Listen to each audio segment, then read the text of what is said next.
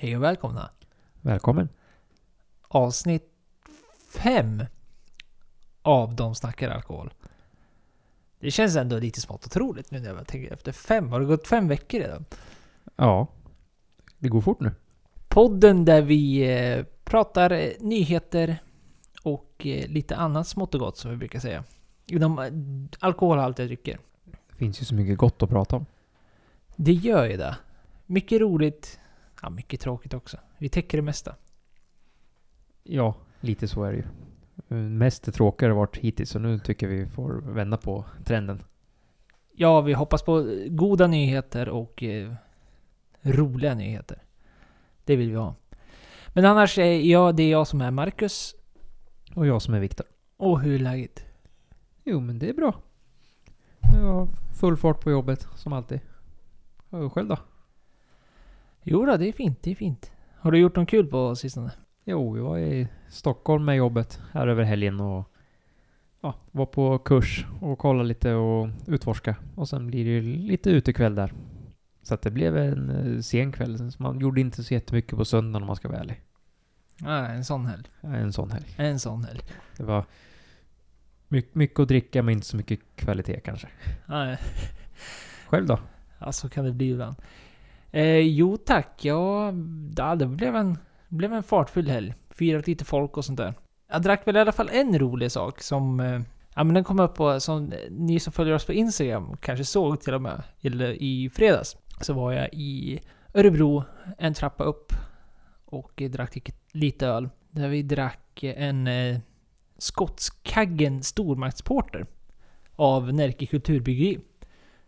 Som jag nog tror att eh, de ölkännare här i podden känner till. Men för er som inte gör det så är Närke Kulturbryggeri är, är från Örebro och brygger trevlig, god öl. Och det här är lite av liksom en sån här prestige-porter de gör. De har gjort några varianter nu. Och just den här skotskaggen är väl lite som det låter. Det, den, den har lagrats i en eh, whiskytunna i sex månader. Det är inte fel. Nej, och den, den är ju väldigt trevlig. Alltså, vi som pratade om, om Untapped förra veckan, så har den här svinhögt betyg på Untapped. Det är så här 4,2 eller någonting. Och det förstår jag. Men den är, den är ju ganska dyr är den. Den, den är inte... Jag tror det finns kvar på Systembolaget, några stycken. För eh, går man ännu längre tillbaka, alltså för några år sedan, då var det en sån här öl som tog slut direkt så fort det kom ett webbutsläpp. Eller ett webbsläpp. Men de hade väldigt få tillgängliga att köpa då. Men den här är alltså deras 2021. Den har legat på en skotsk, skotsk whiskytunna i sex månader. Och den är 250 milliliter och den kostar 165 kronor. Så det är ju inte den billigaste ölen direkt. Nej, men allt är ju relativt. Vad säger man? Ja, och eh, jag kan verkligen rekommendera att och köpa den. Framförallt ifall du vill liksom smaka en lagrad öl. För den smakar verkligen lagrad skulle jag säga. Och den är, var väldigt trevlig. Hur kan man jämföra den med Guinness, eller nej, Innis Guns eh, lagrade öler? För de hade ju en hel serie där det var Islay Cask och Lafroy Cask och Highland Barrel. Mm. Eh, men den, den här är väl mycket mer fylligare skulle jag säga. Alltså det känns som att själva ölet i sig är... Jag vet inte om man skulle kunna kalla det för bättre, för jag menar det är kanske lite subjektivt, men... Jag, jag sträcker mig så långt. Sån ryggrad har jag ändå så att den, den är nog fan bättre. Men den är mer fyllig och eh, istället för att ha någon sån här typiskt whiskytunne-karaktär, lite som Innes Gun, framförallt deras Lafroy Cask, hade. Det de sökte var ju det här rökiga. Vilket jag personligen inte riktigt tyckte att de kom fram till. Då tyckte jag det gick bättre i deras de här romlagrade eh, varianterna de hade. Men de var lite söta. I alla fall för min, för min smak. Utan de här liksom, det smakar mer bara allmänt lagrad öl. Om man då vet vad, hur en lagrad öl smakar. Och vill man få den referensen, då kan jag verkligen rekommendera att gå ihop några polare och köpa en sån här.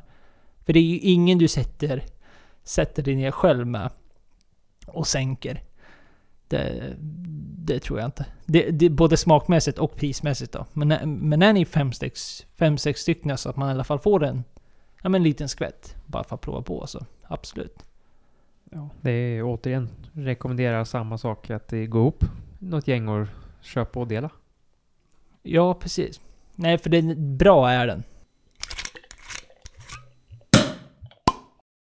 Och apropå öl då. Vi dricker öl just nu. Ja, det är inte helt fel. Nej, det är inte vilken öl som helst. Apropå lagrad öl också skulle vi kunna dra den. Ja, Eh, Vi dricker eh, Fullers. Vintage Ale. Vi dricker en eh, 2015. och så var det väl en 2017. Japp. Och så dricker vi förra året, alltså 2022. Och den är inte helt fel. Nej, den är helt fantastisk. Och eh, ska vi säga att de, de alla tre är ju bra. Men eh, Fullers Vintage Ale är alltså en eh, öl bryggd av eh, Fullers. Fullers är ett engelskt bryggeri som håller till vid Themsen, London. Och varje år så har de sen typ 97 eller någonting. Så bryggmästaren samlar ihop de bästa råvarorna de har haft under året. Och sen brygger de en öl.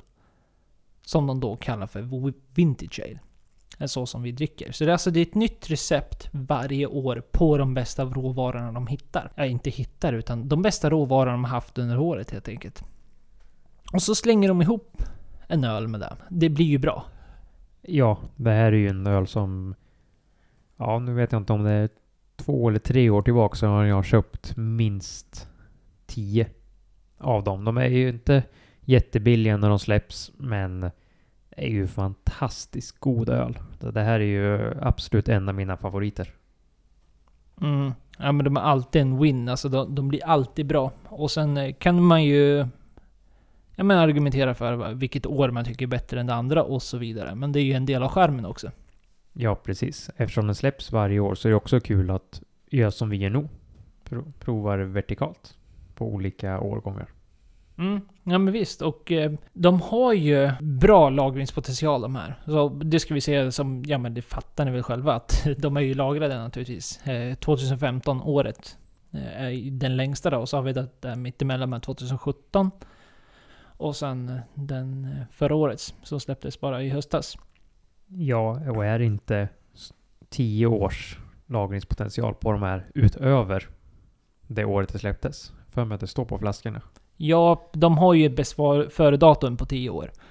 Och sen är ju öl som ölen är att eh, där får man ju verkligen ta bäst före-datumet med en... Eh, ja men det, det stämmer väl i och för sig. Men eftersom eh, öl anses vara ett livs, livsmedel så måste de ju sätta ut ett bäst före-datum. Därav så får man verkligen se bäst före-datumet som ett bäst före-datum. Alltså att det, det stämmer säkert det där bäst före-datumet. Men att en öl blir ju aldrig dålig på det sättet att du inte kan dricka den efter bäst före. Många öler klarar sig ju betydligt längre än vad deras bäst före-datum säger.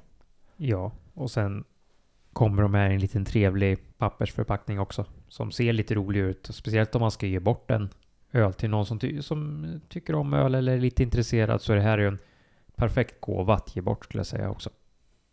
Ja visst, och det är väl också värt att nämna att de, de kostar ju... De kostar ju 75 spänn tror jag.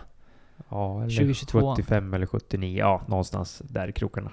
Ja, så det är inte... I ölväg så är det väl inte den billigaste. Och de är halvliters är de väl? Ja, ja precis. Så du får ju du får ju ganska mycket ändå. Men som sagt, ska man köpa 10 stycken ja, enkel matte så det springer ju fort iväg. Ja men det gör ju det. Men eh, de är riktigt roliga, jag kan verkligen rekommendera dem, de blir alltid bra. Och så är det roligt och eh, har du inte provat lagra öl så kan jag verkligen rekommendera det. Det är, det är kul att prova och eh, just den här Fulles Vintage Ale är ju väldigt behaglig att lagra. Dels för att, ja men som du nämnde, alltså bäst före-datumet är 10 år.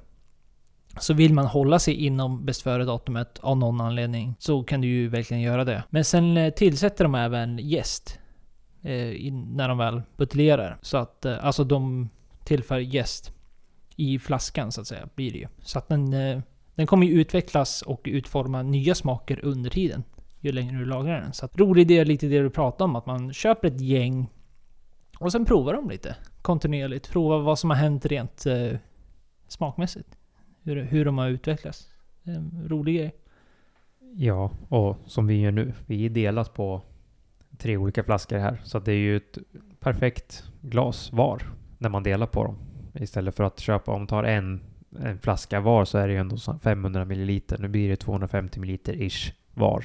Och det tycker jag räcker alldeles lagom. Och är man eh, osäker på hur man lagrar öl så de håller sig, eller öl rent generellt sett håller sig liksom inom ramarna för lagring för vilken typ av alkoholhaltig dryck som helst egentligen. De har de här, jag menar där det bara finns objektiva regler helt enkelt. En utav dem är ju exempelvis, låt dem inte stå i solljus. Precis som all annan sprit. Och inte där det är för varmt. Nej, det är väl viktigaste är väl att det liksom, det ska inte vara en fluktuerad värme. Alltså det får inte vara, håll dem på ett ställe där det håller ungefär jämn temperatur. Sen ska de ju helst ligga där lite mellan ja, men 10 till 14 grader. Det vet man ju att realistiskt sett så är det ju folks... Folk har ju svårt det om man bor i en lägenhet eller och så vidare. Ja, och då är det ju ofta garderoben som kommer till nytta. Man får kasta ut de här onödiga kläderna och slänga in ölen istället. Och som sagt, det här med att temperaturen inte ändras för mycket och det gäller ju snabba temperaturförändringar. Som sagt, som du sa, att det kan öka några grader hit och dit, men det är ju inte det här att du slår på värmen och det stiger 10 grader uppåt och sen stänger av den och då stiger det 15 grader neråt. Det är ju den som man ska undvika. Och de har inte samma liksom så här om man tänker om du har en källare då. Om vi säger att du har ett perfekt ställe och eh, lagra öl på.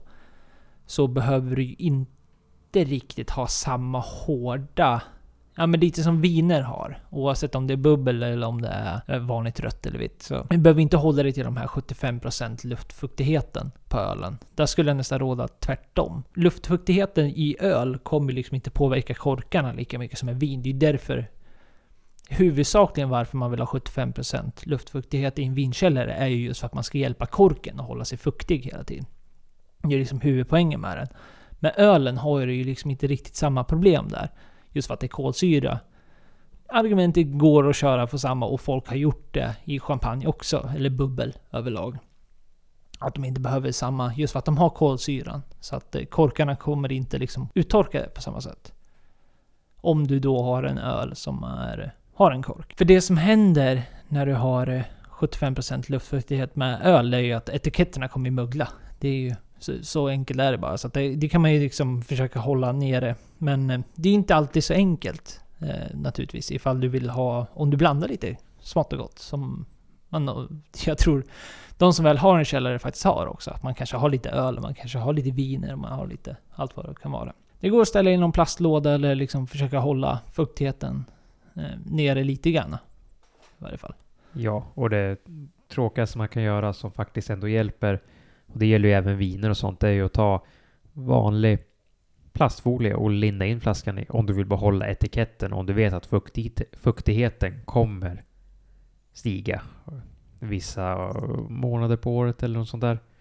Så linda in i lite ja, plastfolie så kommer etiketten hålla sig, men det blir ju inte jättesnyggt med massa plast överallt. Det jag tänker på är väl att de ska stå upp. Framförallt om det är kapsyl, för det är liksom... Det är ingen snack om saken, de ska stå upp. Så är det ju bara. Annars kan ju bara risken att eh, kapsylen rostar och så vidare. Det blir inget bra. Men även om du har en kork, för det är väl också en generell regel du kan ha om du vill lagra öl, att ju, ju större flaska desto bättre. Så har du liksom en 750 ml exempelvis, så köp på, köp på en sån. Och de flesta bra belgis, eller ölerna att lagra är ju oftast, kommer i sådana former. Belgiska framförallt då. Rent generellt också. Jag menar, det, det är bättre att du läser på själv ifall du vill lagra öl och hitta bra öl att lagra. Men generell regel där liksom, lager blir inget bra. Iper blir inget bra. De, liksom, de tjänar ju på att drickas snart efter inköp. Men det finns de här som... Eh, belgiska är väl, en, är väl värt att nämna där. Ja, men de ska också stå upp. Det finns ju de som säger att de också ska ligga... De ska ligga ner horisontellt för att man ska fukta korken hela tiden. Och där får man väl också göra sin research. Ta det. Gör, gör din egna research och få liksom en bra utvärdering och gör det du vill. Helt enkelt. Men av det jag har gjort i varje fall, den researchen jag har gjort, så hittar jag liksom inte någon fördel med att hålla den liggandes. För rent vetenskapligt så kommer korken aldrig bli ofuktig just för att det är kolsyra i en öl. Så att liksom, du har inte samma problem som ett statiskt vin exempelvis, där du inte har kolsyra.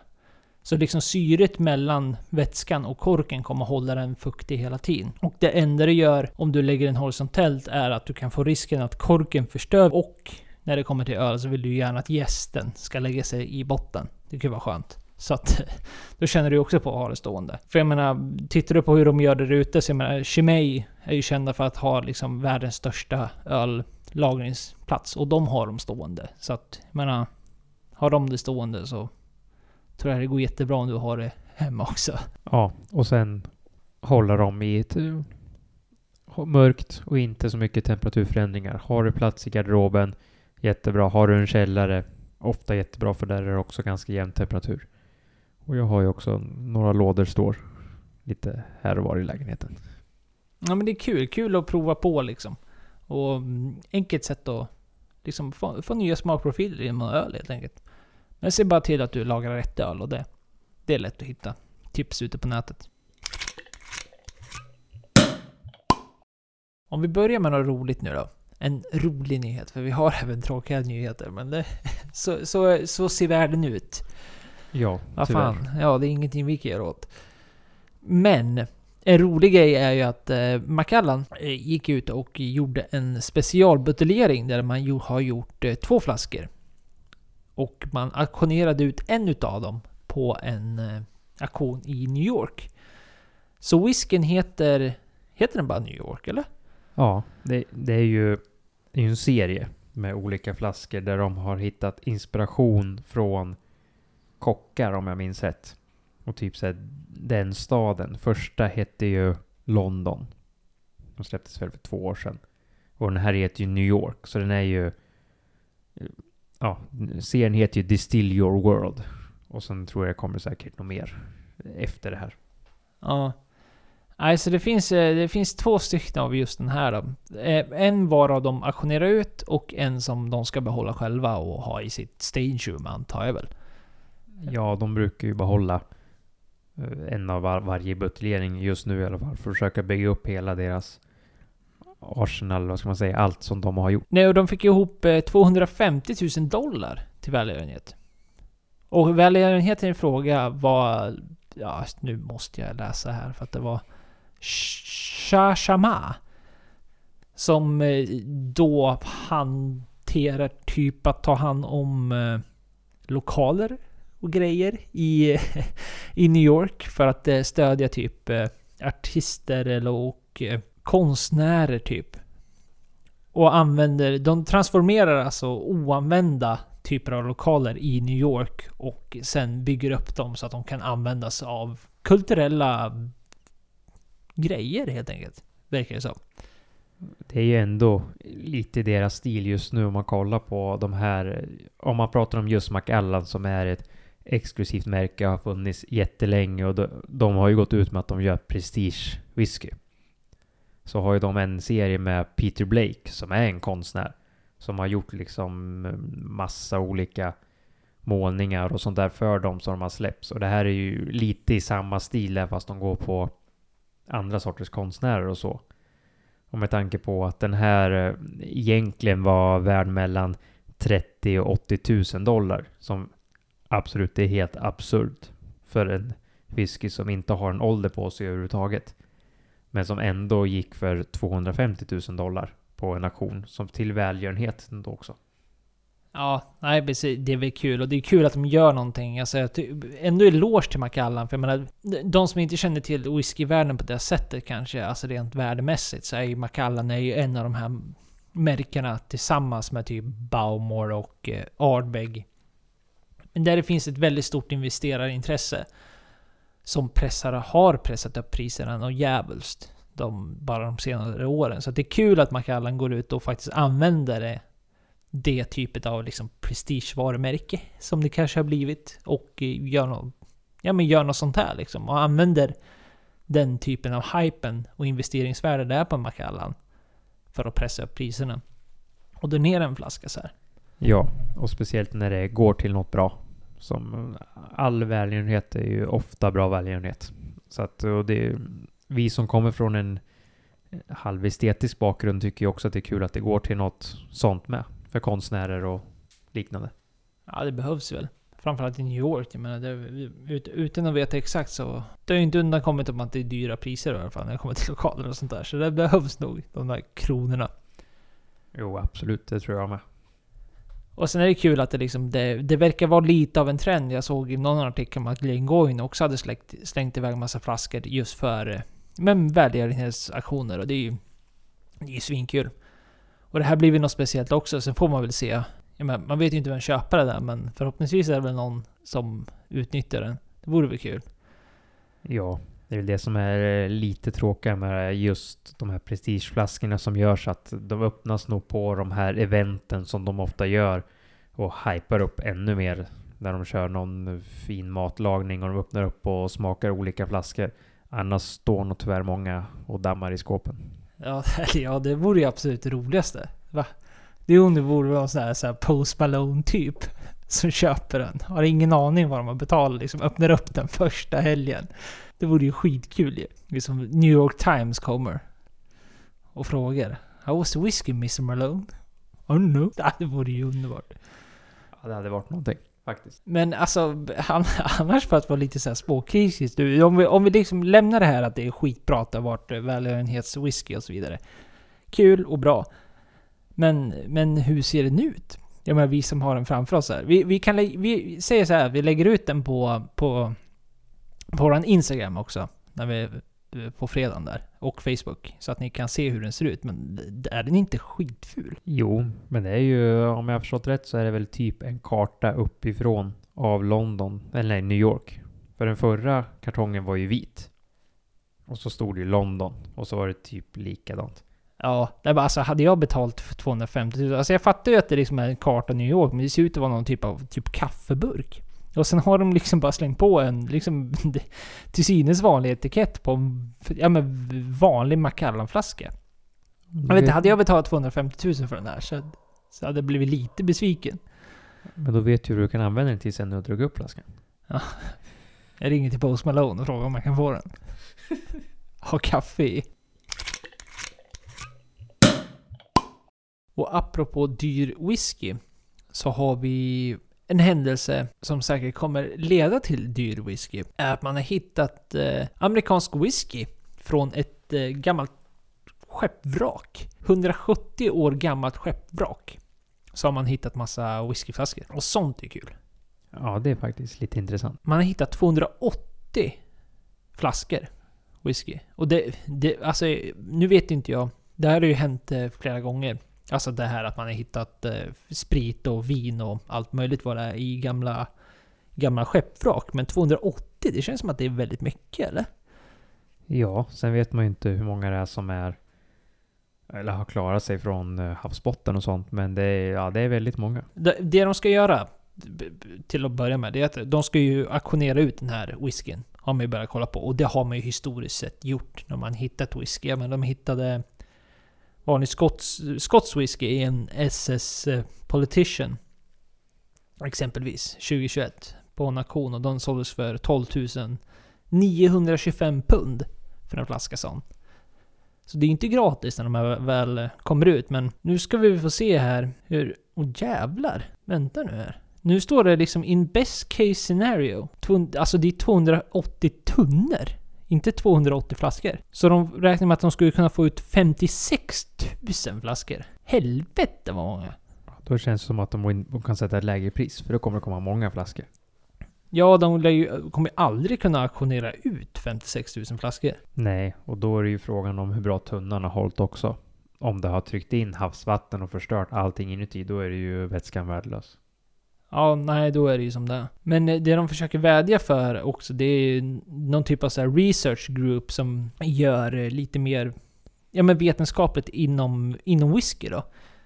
Det, så de ska ju försöka ta, få tag på den här whiskyn just för att de vill eh, ta reda på lite hur majsen skiljer sig från dåtiden just för att det är så gammal.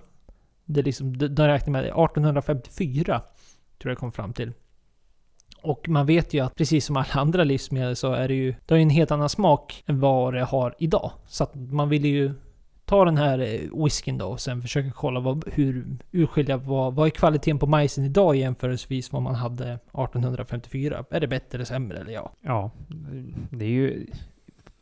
För forskning är ju det jätteintressant och vi som är lite nördiga overall kan man ju säga. Jag tycker det låter jätteintressant för att få fram hur gjordes det då och sådär. För det är ju ändå en sak som tittar man i whiskyvärlden eller vinvärlden eller alkoholvärlden så allt man tar fram är ju så här, hur gjordes det då?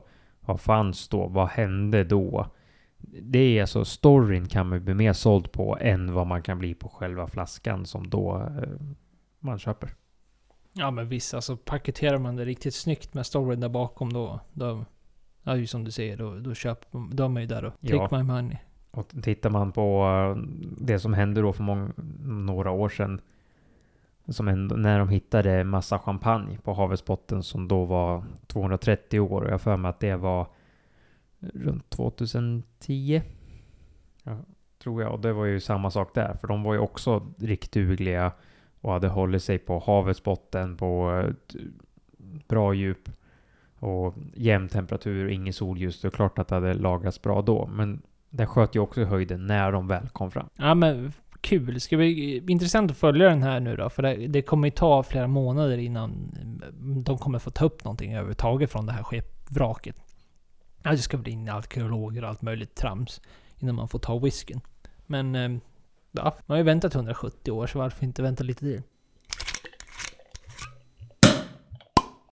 Och då fått nämna en, en tråkig nyhet. Det, det måste vi ändå göra. Och det är att eh, Mackmyra har åkt på lite av en förlust. Syns det i deras eh, fjärde kvartal 2022. Siffrorna nu visar på en försämring med 3,4 miljoner räknar man med i, i, i minskning Eh, jämförelsevis med året innan då. Och eh, netto, nettoomsättningen ner till 20,9 miljoner från 27,8 miljoner året innan. Så det är ju det är ändå... Ja, det låter ju mycket alltså. Ja, där tror jag ändå att eh, det kan vara den här trenden som har varit, som vi har pratat om i tidigare avsnitt. Och det är ju bara rena spekulationer. Det finns inget fakta eller rätt och fel eller vi har hört någonting, utan det är bara vad, i alla fall vad jag tror. Att folk köper mer premiumsaker och premiumsprit och öl allmänhet. Medan Mackmyra har ju ett väldigt bra grundsortiment av brukswhisky på Systembolaget. Deras Mack brukswhisky som den heter och de har en svensk ek och så har de någon svensk rök. Som ja, folk får tycka vad de vill men det är bra prissatt och det är absolut inget fel på det så men det är inget prestige whisky skulle jag säga. Ja, så, så kanske det är. Och samtidigt så tror jag det, jag tror det kan ha lite med att göra med deras alltså, generella släpp överlag. Så där. Alltså, jag, på näthinnan sådär, jag kan inte liksom minnas någon typ av släpp Mackmyra har gjort nu de senaste två åren. Jag vet inte, kan- du det på rak arm? Sådär, om någon sån speciell? De släppte ju den här eh, som vi pratade om tidigare i avsnitt också. Björksav, eh, Sommartid och de, och de. Och sen har de ju Moment-serien. Som de också släpper lite någon varje år i alla fall tror jag. Ja, lite osäker. Ja, men kanske. Nej, men om inte det var längre tillbaka. Det är det jag menar. Alltså det senaste året då. Om man säger från 2021. För jag vet ju att de avslutade ju väl Moment-serien. Och så har de startat en ny serie. Ja, Atmosfär eller Destination. Ja. Vi provade ju den på öl och whiskymässan i Örebro. Mm. Det var ju bra. Ja, den var, den var bra. Så att, och sen kan det ju vara det att Mackmyra har ju tyvärr en dåligt rykte med de här eh, som har drack Mackmyra för flera år sedan som fortfarande håller fast vid samma åsikt fast de inte har provat de nya som faktiskt är bra. Jag tror att det kan ha en liten faktum också. Ja, och sen ska det ju värt att nämna är att Mackmyra har ju ett ganska stort internationellt varumärke. Jämförelsevis med... För jag menar, nu, nu har inte jag några konkreta i, i siffror att jämföra just de här siffrorna jämförelsevis med, med andra svenska destillerier. Men oavsett om de drog in 20,9 miljoner, eller om, ja, de, de siffrorna, den nettoomsättningen de hade på fjärde kvartalet 2022. Så det är ju fortfarande ganska mycket pengar. Så att jag, det kan ju vara alltså, också nu rena spekulationer att det kanske är den utländska marknaden. Där man har gått ner lite. Det behöver ju nödvändigtvis inte vara den svenska, just för att de är stora framförallt i Storbritannien. Ja, precis. De har ju ändå fått ganska bra utsträckning utomlands också och s- slagit sig in på många marknader. Oavsett så lämnade Johan Larsson, som är VD på Mackmyra, ett kommentar om att de Ja, men man ska försöka se, se ljusare ut på framtiden och köra hårdare med marknadsföring och effektivisering och besparing. Får se, de kanske studsar tillbaka. Ja, det, det hoppas jag att de gör. Ja, verkligen. Och så har ju siffrorna kommit. Pilsner.nu har kommit ut med försäljningssiffror på Systembolaget angående öl. Där har man lagt ut eh, de 200 mest sålda ölerna på Systembolaget. Jag vet inte, men, men, jag tycker de här listorna är ändå ganska roliga. Jo, det är ju kul att se vad, vad som har sålt mest och vad folk vill, eller vad folk är ute efter. Ja, precis. Och det är väl... Jag menar generellt sett så gör vi ju ganska mycket öl här i Sverige. Både inom massproduktion och sen av alla de här... Jag menar boomen av hantverksöl som det har varit nu de senaste åren. Det är liksom det kryllar av svensk hantverksöl. Och det är ju så jävla roligt. Så det är kul att få de här konkreta liksom svart på vitt siffrorna och se vad, vad, hur ser det ut på marknaden helt enkelt. Ja, det är det absolut. Och som du sa, det är kul att det är så mycket hantverksöl som börjar komma upp och faktiskt komma in på mer och mer systembolag och det är väldigt roligt. Ja, visst. Och det är väl det, är väl det jag tycker egentligen. Jag menar, det är inte svårt att gissa i och för sig att toppen ser ut som den gör. Men eh, alltså apropå hantverksöl så ser man ju det. Det är väl bara någon enstaka så här på topp 100.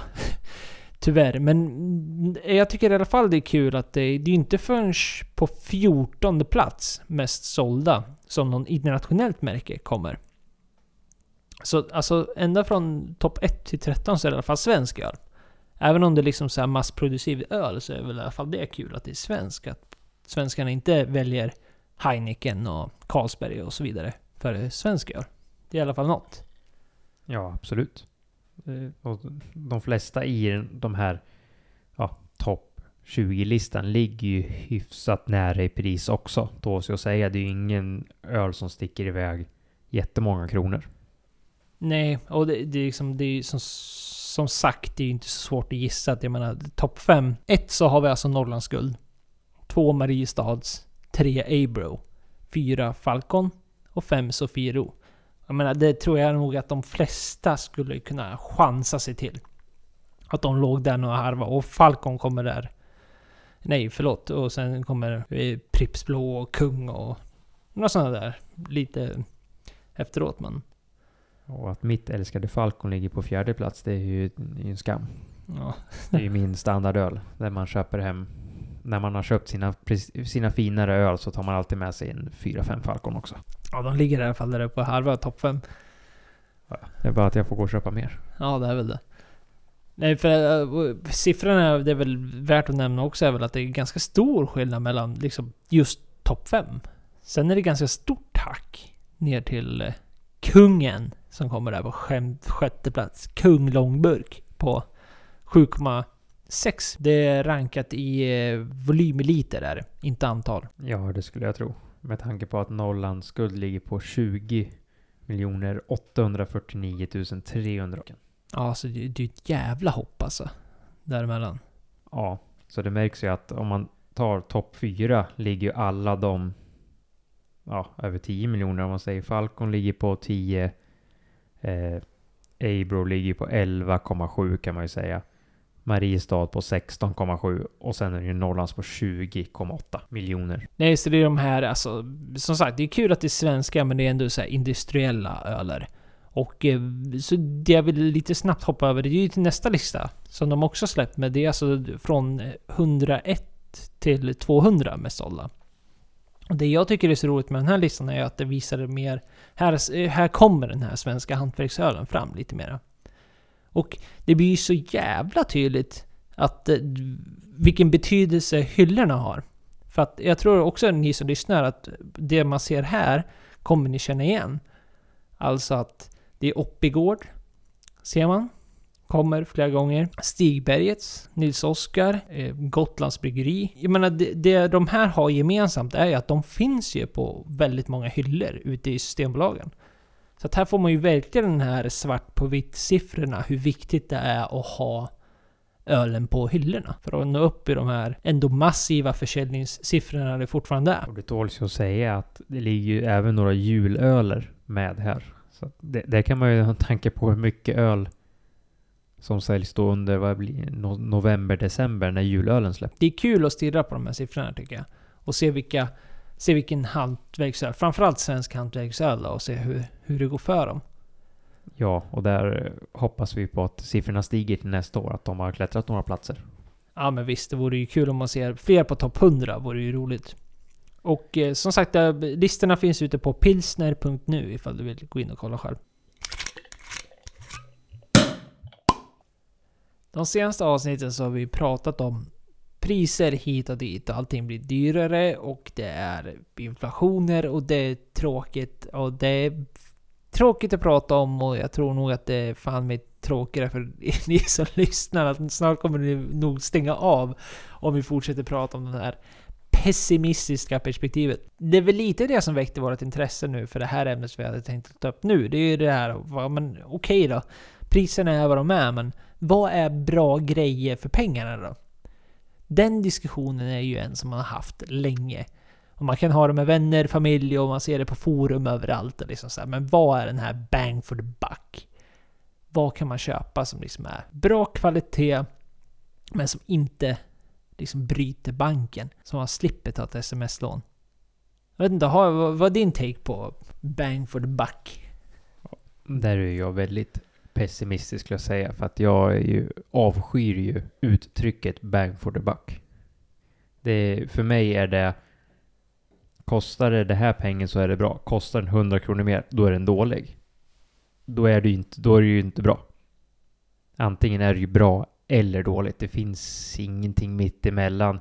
Sen har vi också sagt det när vi har druckit saker att ja, men det här var bra för pengarna. För oss som har druckit väldigt mycket whisky, för det är ändå där vi ändå har där vi började så har vi druckit många av eh, lite billigare whisky som vi har sagt själva att oh, men den här var bra. Alltså för, för vad den kostar. Kostar den 200 kronor, 300 kronor, 400 kronor så var den bra för det. Och det, vi har ju sagt det så att jag säger inte emot mig själv men när folk säger att den här var bra för pengarna. Det, det är ju ett talsätt för att säga att den här var ju inte bra. Enligt mig. Den är bara bra för att den var billig. Ja, men det blir ju så intetsägande på något sätt. Alltså det jag håller med dig i ditt resonemang är just det att det blir så svårt att liksom veta var de kommer ifrån. Om någon på en Facebookgrupp eller, eller vad det nu kan vara, man träffar någon på någon mässa och börjar prata om och så här, De börjar prata om någonting som är värt en bra pengar. Men vi båda varit på whiskykryssningen exempelvis. Och där finns det ju gott om folk att prata om just den grejen just för att man befinner sig på båten. Och då kommer ju verkligen det här med mycket värde för pengarna börjar man ju prata om då, när det liksom är ännu billigare än vad det är på Systembolaget. Men det är så svårt just för att det grundar sig i någon typ av subjektiv förhållning till vad man tycker en flaska är värd och hur mycket en flaska, eller drycken i sig, passar sina egna smaklökar. Om du förstår vad jag menar. Att det liksom blir ju... Det blir jättesvårt om någon lägger ut på en grupp eller någon jag inte känner säger till mig ja den här är en bang for the buck. Jag menar ett klassiskt exempel var väl Tamnavullin exempelvis, när de släppte någon sån här Cherry Cask för typ 300 spänn på Systembolaget. Och då var liksom, den exploderade ju på Facebookgrupperna mm. inom whisky. Och de som inte vet så är Tamnavullin en eh, billig whisky. Och där var det ju, ja men det, då såg man det överallt. Liksom, ja men bra för pengarna, bra för pengarna. Ja men värd pengarna, ja men bra att ha, sådär. Medan vissa var, ja men ungefär den inställning du har. Liksom, men vad är det här för skit? Alltså de, de köpte den för att de såg den här hypen, så köpte de den och sen tänkte de, men vad fan är det här? Jag trodde det skulle vara bra. Men det folk mer är inne på då, det är liksom att okej, okay, det här är drickbart för 300 spänn. Det, alltså det är den känslan man får då. Eller har jag fel? Alltså nu Nej. tänker jag bara försöka resonera hur du tänker i, i det tänket. Det är ju precis så jag tänker. För eh, det var ju samma sak. Eh, jag sagt, vi som har... Det Ben for det tycker jag inte har nyttjas lika mycket i en del andra Facebookgrupper speciellt. I, alltså förutom whisky. För där är det väldigt mycket det snacket. Kommer det en ny... för De som inte har koll på det så är ju Sverige är ju som gjort för en rökig, sherrylagrad, eh, ganska alkoholstark whisky. Det är ju Sverige. Om man kollar på det sättet så kommer en sån så kommer folk köpa den och många kommer tycka den är god. Men när det har släppt sådana whiskys, och speciellt rökiga, som jag tycker smakar ung, inte färdig och spritig. Det, det är ju inte gott. Och då spelar det ingen roll om jag betalar 200 kronor, det är ju 200 kronor i sjön. Det så alltså, då köper jag den, då kommer den stå i mitt skåp. Sen kommer den stå där tills jag är 40 år äldre, när man till slut kanske har lyckats bjuda bort den till någon som inte förstår. Mm.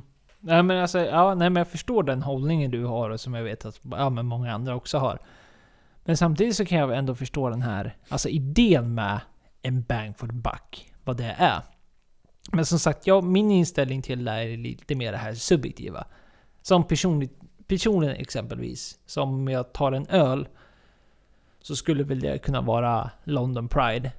Nu sitter vi och dricker fullers, så och jag har pratat om hur mycket jag gillar ISP tidigare. Men London Pride är liksom en... Jag tror den kostar under en 20, 20 spänn. Under 20 spänn kostar den. På Systembolaget. Och den, den behåller jag som att den, den passar mina smaklökar så bra. Och jag tycker det är kvalitet. Så att jag tycker det är liksom... Ett, det är en bang for the buck för mig. Jämförelsevis då med dyrare öler på något sätt.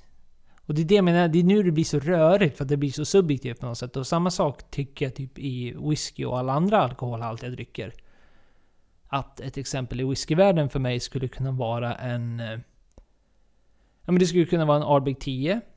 Och det skulle kunna vara en Ardbeg Uggedile. Och då kanske folk tycker och tänker, alltså de som kan priserna, att en Uggedile, ja, men den kostar ju ändå... Ja, den är ju fortfarande under tusenlappen. Men det jag menar där är ju att enligt mina smaklökar och min upplevelse med en Ardbeg Uggedile så tycker jag den är så pass prisvärd för att jag tycker den slår mycket dyrare versioner. Antingen av Ardbeg själva eller annan whisky. Så för mig då blir det en bang for the buck. För att jag tycker att det är en whisky under 1000 kronor som jag tycker slår otroligt mycket annat. Och Det är där jag ser den här subjektiva meningen komma in. Så jag, jag förstår ändå värdet av det. Men samtidigt så köper jag ditt resonemang om att liksom, det går inte att slänga sig med det hur som helst. Nej, och sen är det ju det här med vad är din budget? Vad har du druckit innan? Vad tycker du om för någonting? Så är det ju med alltihop. Alla har inte en oändlig plånbok som kan betala hur mycket pengar som helst för vad som helst. Utan då kanske det är att man köper eh, sitt standardvin kanske ligger på 99 kronor. Och där finns det ganska många viner som jag tycker är ja, helt okej och bra som jag absolut kan köpa hemma och hemma. Men då skulle jag även tycka att lägger du 99 kronor, lägg 20 kronor till. Lägg 30 kronor till. Då får du ett lite bättre vin. För pratar man eh, där så har ju vi när vi provade en billigare Bordeauxvin så var det ju jag kommer inte ihåg om det var Chateau Pierre de Montignac. Och det var ju ett Medoc-vin som var eh, väldigt gott till det vi åt just då. Och det låg ju på 149 kronor då. Nu kanske det har höjts lite grann med inflationen och sådär. Men eh, 100, 150 kronor för en flaska vin tycker jag inte är så farligt. Och eh, så, kollar man på whisky som vi har hållit på med så länge så har ju våran pris, lägsta pris har ju höjts några hundralappar för varje gång beror på vad man köper och hur mycket man har betalat. Vilket gör att det som kostar runt 6, 7, 8, 900, det är inte så farligt. 1200, nej men det är okej. För det har vi köpt flera stycken flaskor av. Och då är plötsligt är ju den här 200 kronor, 300 kronor, det är lite, kanske, jag vet inte vad jag ska säga, lågt.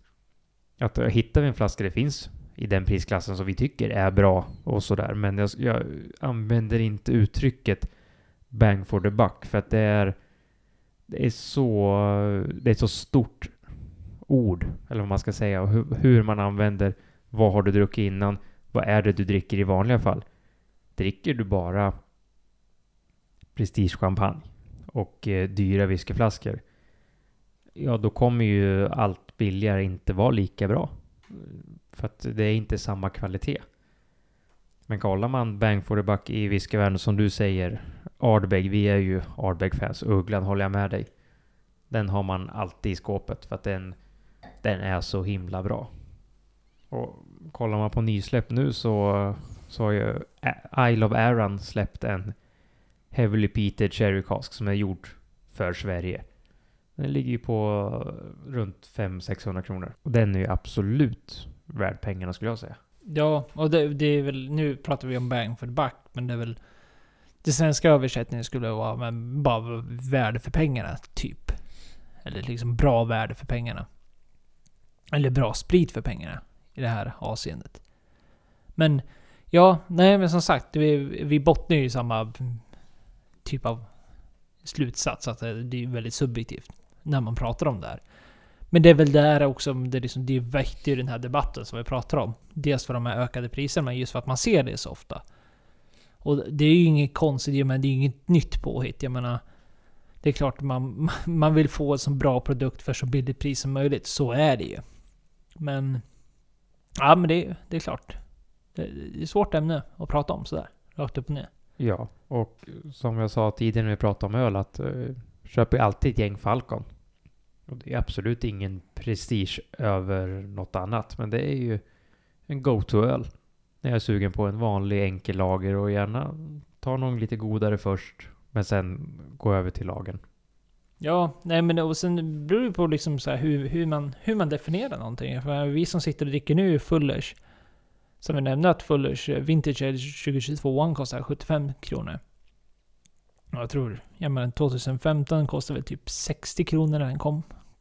Där har jag säkert fel, men ja, men någonstans där omkring. Och jämför man då det här som jag klassar för en bang for the buck, värde för pengarna London Priden, som också är gjord av Fullers, men som kostar ja, men under 20 kronor. Och jag tycker båda är bra. Och det är ju där någonstans det är så svårt att lägga sig. För att jag, tänk, jag tänker, ska man prata bang of the buck och man ska ha en typ av teori vad som är värde för pengarna så måste man ju kunna vända på det också. Alltså det vill säga, dricker du någonting som är... Dricker du en whisky som kostar 2500 kronor, som du tycker är bra, och så dricker du en Uggedile som jag pratade om, Ardbeg Uggedile alltså, under 1000 kronor. Och du tycker båda är svinbra. Men då blir ju då blir det lättare att se den här liksom värde för pengarna. För du tycker båda är svinbra i dina smaklökar, i dina preferenser. Alltså jag tycker det, ämnet blir ju svårare när du vänder på det. Förstår du vad jag menar? Att det, liksom, det är ju enkelt att ta något billigare och säga att ja, men det här är bra värde för pengarna. Samtidigt som du vänder på det så blir det istället, okej okay, nu har vi någon dyrare. Håller det upp värdet av pengarna? Alltså det blir ju samma fråga fast omvänt så att säga. Ja, och det kan jag hålla med helt. Så tycker jag det har varit när man har druckit champagne eller viner också, att man har smakat någon rödvin som inte har kostat så mycket som det här Bordeaux du och jag drack. Den är, tyckte jag var svingod till det vi, eh, det vi åt. Jag druckit den en gång till och tycker fortfarande att den är god. Precis som i vår familj, så, eller min familj, så köpte vi några Faustino Reservas. 139 eller något sånt kostade de då i alla fall. Och tycker att den är riktigt god. Det är en riktigt så här husvin. Den kostar inte för mycket. Och absolut inte det bästa vinet man har druckit. Men det, den håller en bra standard. Och det är egentligen dit man vill komma med bang for the buck. Eh, inom citationstecken. Att det ska vara en bra standard eh, utöver. Som, som du säger, jämför vi, tar vi ett jättedyrt vin eller whisky eller rom eller vad som helst så ska ju en som kostar mycket mindre fortfarande vara det är svårt att säga, det är inte i närheten, men det ska ändå kunna gå att jämföra så att det här är bra. Den håller liksom en standard. Ja, nej men, ja precis. Nej, det förstår jag. Och det, samtidigt som jag förstår, ja men som jag sagt, att jag förstår den här diskussionen med bang for the buck, eller värde för pengarna. För jag menar, i, i bästa av världar så skulle man ju liksom aldrig tänka på priser. Alltså du skulle kunna köpa en flaska whisky för 3000 spänn och en för 500 spänn. Och du på något sätt ska tänka dig bort priserna. Att jag betalar inte 3000 kronor för den här.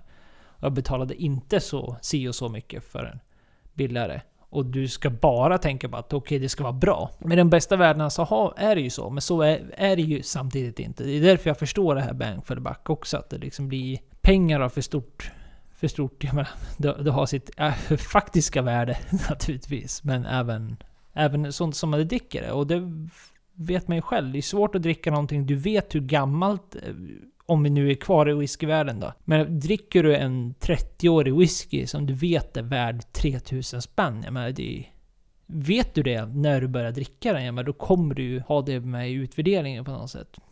Mer ofta än inte. Undermedvetet eller inte heller. Ja, lite så är det ju. Och när vi började vår resa, min första finwhisky var ju en Baumor 18 från Taxfree. Och jag tror att den kostade typ 800 kronor, 900. Och det var en dyr whisky. När man börjar sin resa, det, det var mycket pengar. Och sen blir det det. Vad, vad, är relativt? Vad är det du brukar köpa? Vad brukar du dricka? Det är ju där någonstans det hamnar. Och alla är olika ingen har fel. Nej, och det är väl så vi kan summera den här diskussionen på något sätt. Att det liksom är...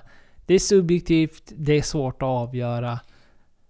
Vi förstår, men samtidigt som det är irriterande att se det, det spektaklet eftersom det är så svårdefinierat eftersom det är så pass subjektivt.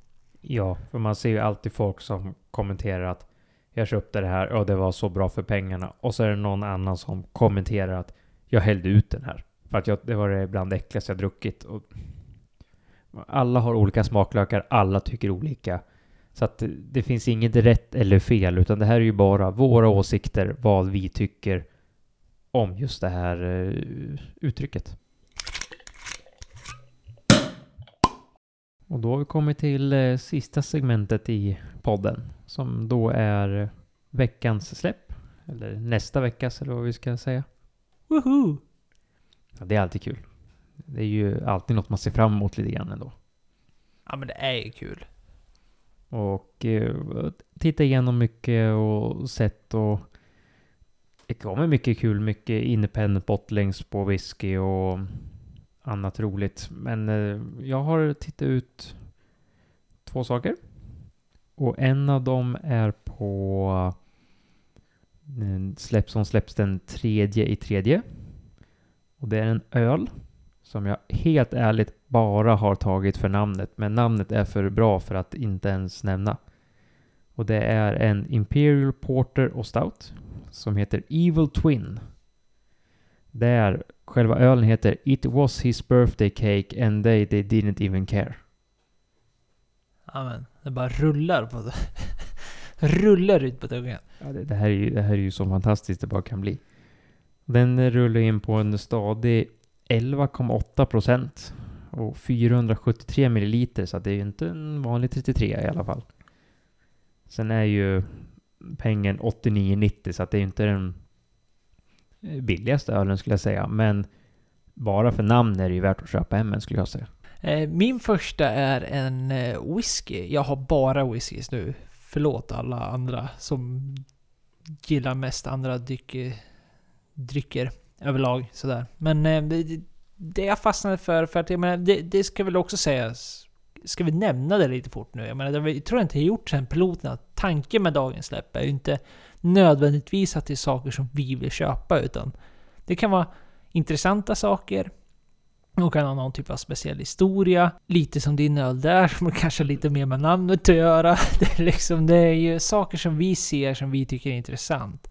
Och sen ibland så har vi bra resonemang om varför det är ett bra köp och så vidare. Men det behöver inte betyda att vi har druckit dem, alltså att vi rekommenderar dem på det sättet. Det är det jag vill ha sagt liksom. Nej, utan att det kan vara saker som vi skulle vara intresserade av att köpa. Alternativt förslag för andra att kolla upp. Eller roliga saker, precis som förra avsnittet så nämnde vi en Chateau Latour som kostade skjortan. Ja, du köpte inte en sån alltså? Jag köpte bara tre. Ja, ja jag köpte en låda. Min första, i varje fall, för eh, veckans släpp är eh, en Caperdonich Peated 18 years old. Det är alltså en whisky som eh, är buteljerad på 48% ligger den på. Och den kostar 1525 kronor. Och det släpps på webblanseringen, så på torsdag alltså. Det roliga med den här är att Cape är alltså... Ja, inte ett jättevälkänt destilleri, men de, det är nedlagt. Det existerar inte längre. Och under det här webbsläppet så släpper de den här 18-åriga som jag faktiskt ändå tycker är men värt priset, 1500 spänn. Och så släpper de även en 21-årig som, ja, ja, det mer än dubblades i värde. Det var väldigt dyrt. Det är en whisky som har gått lite under radarn, så att eh, det, och det är en whisky mer för dig som är riktig whiskyfantast. Alltså investeringsmässigt så visst, ett destilleri som har lagt ner. Det, det, de buteljeringarna kommer ju alltid öka i pris i andrahandsmarknaden om det är det du är ute efter. Så är det ju. Men den här whiskyn handlar mer om att liksom vara den här fantasten och du kan ha en flaska i ditt skåp eller på din hylla som du vet och kan smaka av och bjuda med vänner som du vet att det här är ja, men en whisky som aldrig kommer komma tillbaka. Alltså den här typen av identitet av den här whiskyn du dricker. Den kommer vara väck. Eh, så att, eh, ja, kul. Och det jag ska säga, jag har inte druckit den här själv, så jag vet inte, men jag är riktigt taggad på att prova den i varje fall. Av det jag har hört så ska det vara en whisky som inte är sådär jättelätt att dricka. Alltså du måste vara lite av en whiskyfantast eller liksom i alla fall bevandra dina whisky för att kunna uppskatta den. Det är en, det är en flaska så som jag har förstått det som liksom... Den blir bättre med tiden. Alltså ju längre ner du kommer i flaskan desto mer kommer du uppskatta den och desto mer kommer den utvecklas. Och den kommer bli bättre med tiden. Så att det kommer inte vara någon du häller upp och sen blir helt golvad utav. Så som jag har förstått det. Men det är i alla fall mitt första. Ja, den låter ju inte helt tråkig. Och jag har också sett de whiskyna florerat lite grann och det är alltid något som är kul med eh, nedlagda destillerier. Eller kul, kanske fel ord att säga. Det är ju intressant. Just för att det kommer inget mer och man vet ju inte vad som, vad som tillverkades och hur det hände. Och varför det la ner, det kan vi ta i ett annat avsnitt. Men eh, mitt andra förslag är en whisky jag faktiskt har smakat, fast en annan batch. Och det är Longmorn 18. Som släpps den andra i tredje. Och eh, den landar på 1210 kronor. Och det är 700 ml och 48 procent. Och Longmorn 16 brukar finnas i systemets vanliga standardsortiment. Och det är en eh, väldigt trevlig, rolig whisky skulle jag säga. Och 18-åringen har jag smakat och jag tror att om det är ett eller två år sedan den jag smakade släpptes. Och helt ärligt så tycker jag att 16-åringen är bättre än den 18. Men det är ändå kul med en 18-åring som släpps på systemet. Och det är ändå ett destilleri som gör väldigt lite whisky som släpps om man jämför med en del andra sorter. Och då även släpps ju en 23-åring där priset landar på stadia 3437. Så prishoppet på de där fem åren, de, de kan man ta på ett annan diskussion. Och min eh, sista, andra, sista rekommendation för detta släpp eh, släpps också på webblanseringen den andra tredje. Så man ska utmana den där kända knappen. Men det är en Tianinich. Och där har vi ett uttal som man, ja, verkligen får ta med en nypa salt. Tianinich. Och det ska väl också sägas nu då, medan jag säger det här med ett hemskt uttal. Är ju att vi varje måndag så lägger vi ut på våra sociala medier där du faktiskt får en bild och text. Det vi menar så att innan veckan kommer och släppen kommer så har du en chans att se vad det är. om du vill ha visualisera dig själv av det vi har pratat om, vilket säkert behövs. Typ alltid. Men Tianini tror jag det ska uttalas. Det är i alla fall ett destilleri som jag tror även många bevandrade inom whisky kliar sig lite i huvudet och undrar vad fan är det för någonting? Och det är inte konstigt för att de har ju... De släpps knappt aldrig. De har ingen officiell släpp. Utan det här är det mest eh, tillgängliga släppet de har. Så, och det är ett av Diageos Flora and Fauna-serien. Det är en del utav. Och eh, den är 10 år. Som sagt, och det det här destilleriet är, det är alltså det är ett gigantiskt destilleri. Och de pumpar ut några otroligt med whiskys. Fast de används i Diageos eh, blended malts. Så att det är alltså, det är whisky du hittar i Johnny Walker och framförallt eh, VAT 69. Så att det är alltså det är ett destilleri som pumpar ut otroligt mycket whisky men inte har några officiella egna lanseringar. Utan de kommer... Det här, de finns... Det finns att hitta på Independent Bottlings. Men de, de, de dyker upp lite här och där. Men det här är väl kanske den gången du har som enklast att hitta hitta eh, just den Tianinich. Ifall du är fundersam på hur det smakar just i Diageos Flora and Fauna Series. Ja, och då vill jag säga att eh, Independent Bottlings det är alltså en independent bottling. Det är ett företag som köper tunnan av eh, destilleriet och buteljerar den som sin egen med namnet på själva destilleriet, whiskyn.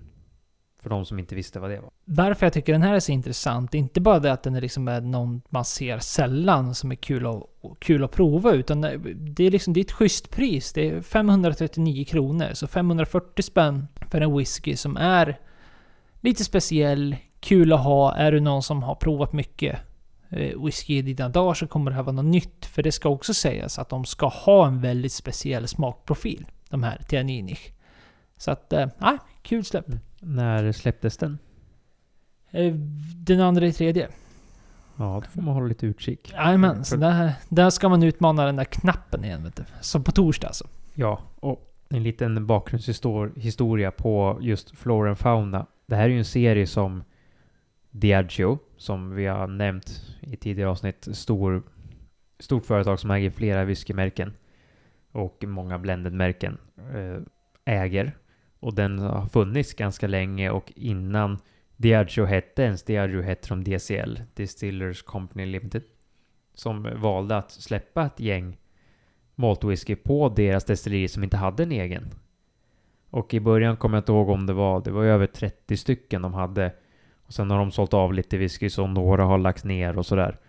Men de här har ju funnits i Skottland och England och säkert i andra marknader. Men det här är ju första gången de börjar komma in i Sverige, vad jag vet. Så att det är ju, egentligen är det ju inte en nyhet så, för de här har funnits ett tag, men det är ju för oss i Sverige så har man varit tvungen att gått andra vägar och beställt dem via, via England och kanske eventuellt Tyskland för att kunna få tag på de här. Så att det är ju ett tillfälle för de som är lite whiskyintresserade att eh, ja, knäppa några. För att bara nämna några whiskynamn som kommer in så är det ju Blair Athol, Linkwood, Mansion Moore, Achtoris, Balluini, Inchgower, Ben Rinnis, Glenn Lossie. Det är ju inga märken man i whiskyvärlden kanske nämner så ofta. Och det var allting för oss för denna vecka. Ja. Och vad säger du nu då? Om vi ska ge någon typ av bedömning. Vi har alltså druckit nu under den här tiden vi har pratat och diskuterat så har vi alltså druckit eh, Fullish Vintage Ale årgångarna 2015, 2017 och 2022. Vad är din eh, slutgiltiga... Jag tycker fortfarande 2022 är bäst faktiskt. Men det är ju en väldigt... De är väldigt lika allihopa, så att jag tycker att alla har varit väldigt bra. Ja, och jag, det är där jag håller helt med. Och det är därför jag skulle säga att 2022 det är det som gör att man tycker den är bra, kanske. Dels smakmässigt, absolut. Den är helt fantastisk. Men den, är, den sticker ut med mängden. Och eh, jag, jag har druckit flera tidigare Vintage Ale. Och jag tycker alltså 2022 den håller en riktigt hög nivå. Och den ska sägas, den finns fortfarande att köpa. Den finns ute i butikerna fortfarande. Så att... Eh, om du får feeling, kostar 75 kronor. Inte billigt. Men... Eh, ja, den är helt fantastisk. Ja, och det är helt sjukt att den fortfarande finns kvar. För det här är ju verkligen... Eh, go-to. Den borde tagit slut på en gång. I mitt tycke, i smakmässigt. Ja, nej, men så är det. Men där kommer det bang for the buck. Ja, riktigt bang for the buck. Och, återigen, det är väl, det, ja, man måste öppna plånboken lite grann för att Det, det är en dyr öl, så är det. Men eh, annars så eh, tackar vi för oss, för att du lyssnar och för att du säger till vänner och bekanta om våran podd om du tycker den är bra och att du delar med likasinnande. Det är kul att nå ut och det är kul att se att ni blir fler och fler som lyssnar på oss. Våra rants varje vecka. Ja, absolut. Och glöm inte bort att eh, följa oss på Instagram och Facebook där vi försöker dela allt, eh, allt från när vi släpper och nyheter och även eh, försöker dela bilder på vad vi dricker och vad som kommer att släppas på systemet. Precis, du får lite previews kanske på vad som händer under inspelningarna och så vidare och framför allt så att du får de här eh, visuella bilderna på veckans släpp helt enkelt. Och det är antingen Facebook eller Instagram. Vi heter Det snackar alkohol på de medierna. Om inget annat så hör av dig på kontakt desnackaralkohol.com ifall du har några funderingar. Annars så hörs vi nästa vecka. Det gör vi.